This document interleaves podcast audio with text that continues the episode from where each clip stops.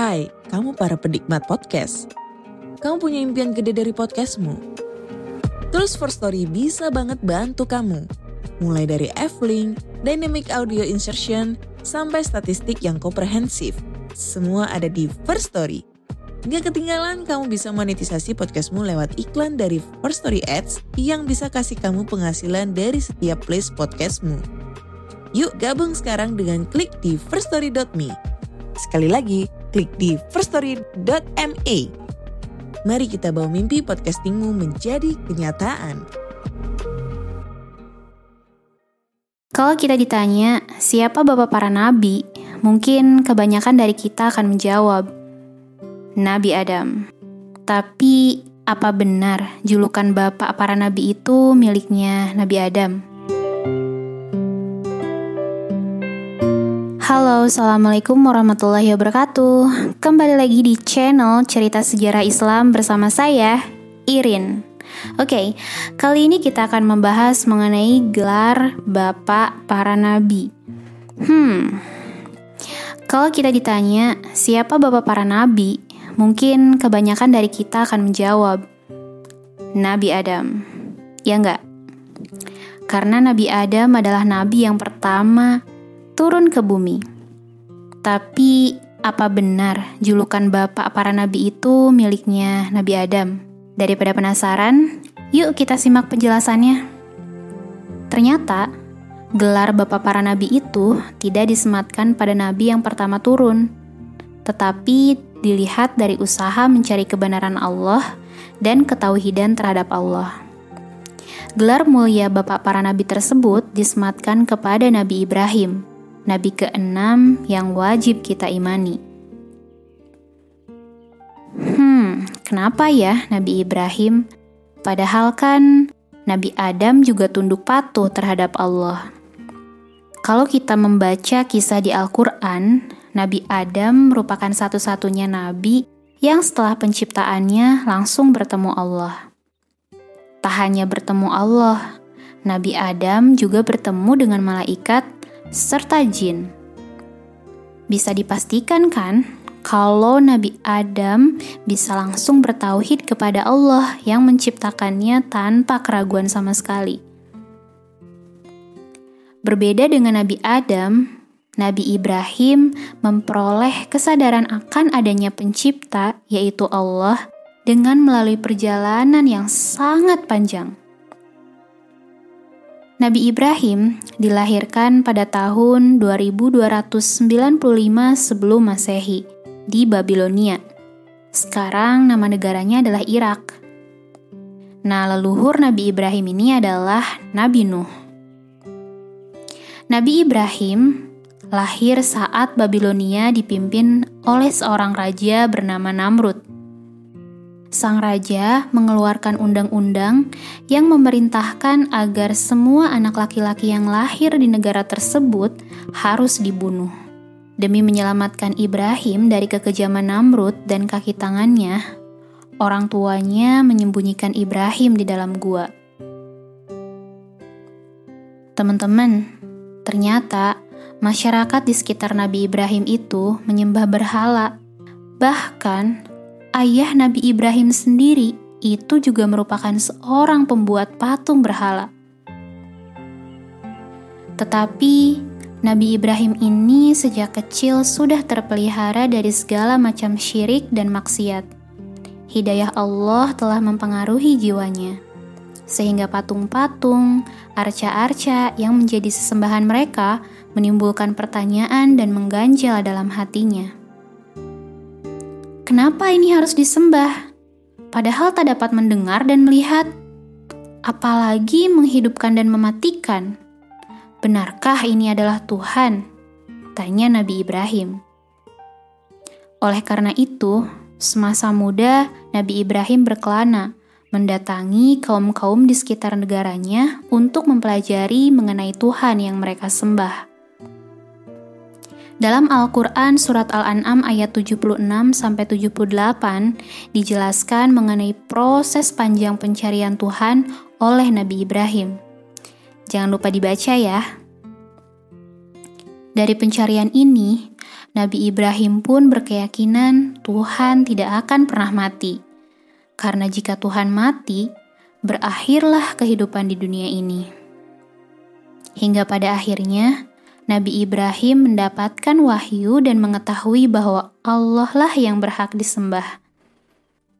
Dalam Quran Surat Al-Baqarah ayat 260 tertulis, Dan ingatlah ketika Ibrahim berkata, Ya Tuhanku, perlihatkanlah kepadaku bagaimana engkau menghidupkan orang mati. Allah berfirman, Belum percayakah engkau? Dia Ibrahim menjawab, Aku percaya, tetapi agar hatiku tenang atau mantap. Dia Allah berfirman, Kalau begitu, ambillah empat ekor burung, lalu cincanglah olehmu Kemudian letakkan di atas masing-masing bukit satu bagian. Kemudian panggillah mereka, niscaya mereka akan datang kepadamu dengan segera. Ketahuilah bahwa Allah Maha Perkasa, Maha Bijaksana.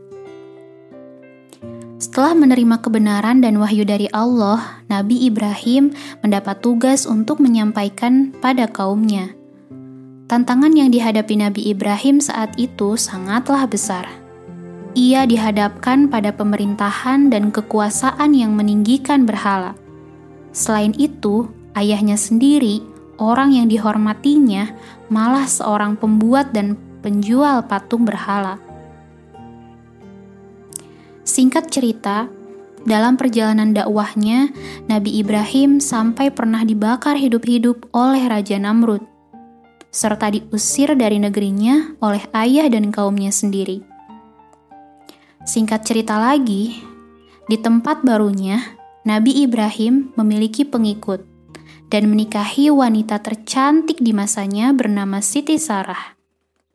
Namun, sampai usianya yang mencapai 100 tahun, Nabi Ibrahim dan istrinya tak kunjung dikaruniai anak. Nabi Ibrahim sampai khawatir.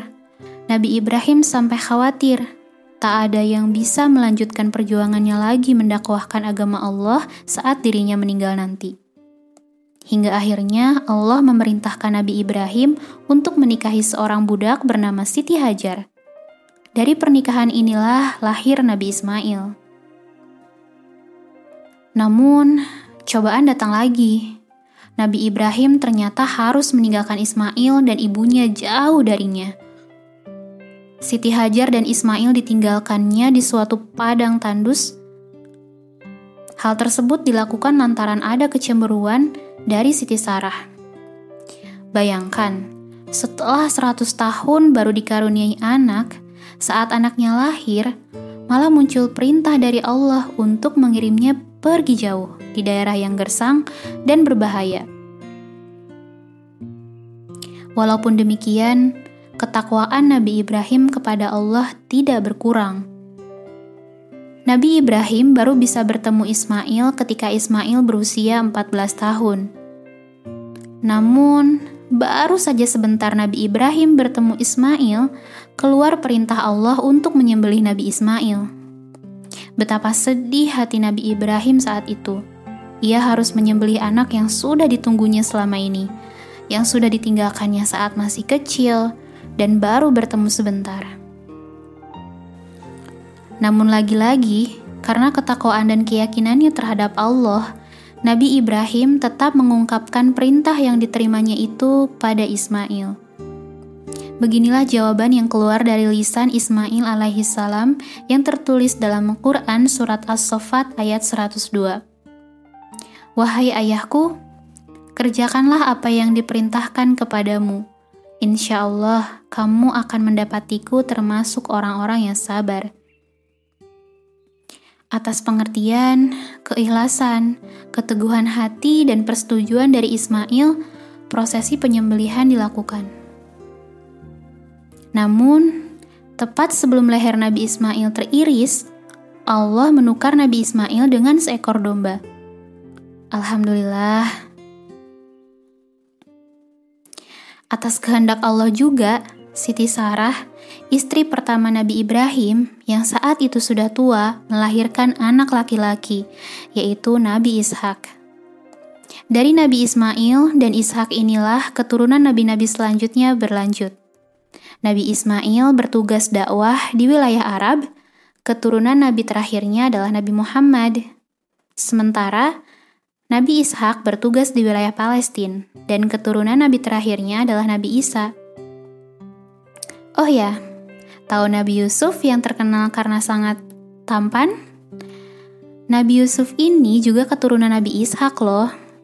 Mungkin dapat bibit tampan dari nenek moyangnya, yaitu Siti Sarah, yang merupakan wanita tercantik di masanya. Bapak para nabi, begitu gelar yang tersemat pada Nabi Ibrahim. Ketakwaannya telah teruji dengan rentetan cobaan yang berat. Atas kesabaran dan ketakwaannya, Nabi Ibrahim juga diberi gelar Khalilullah, yang berarti kesayangan Allah.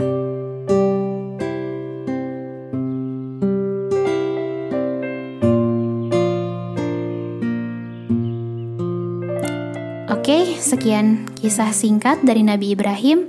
Detail-detail perjuangan dan kesabaran Nabi Ibrahim, insya Allah akan saya ceritakan di episode selanjutnya.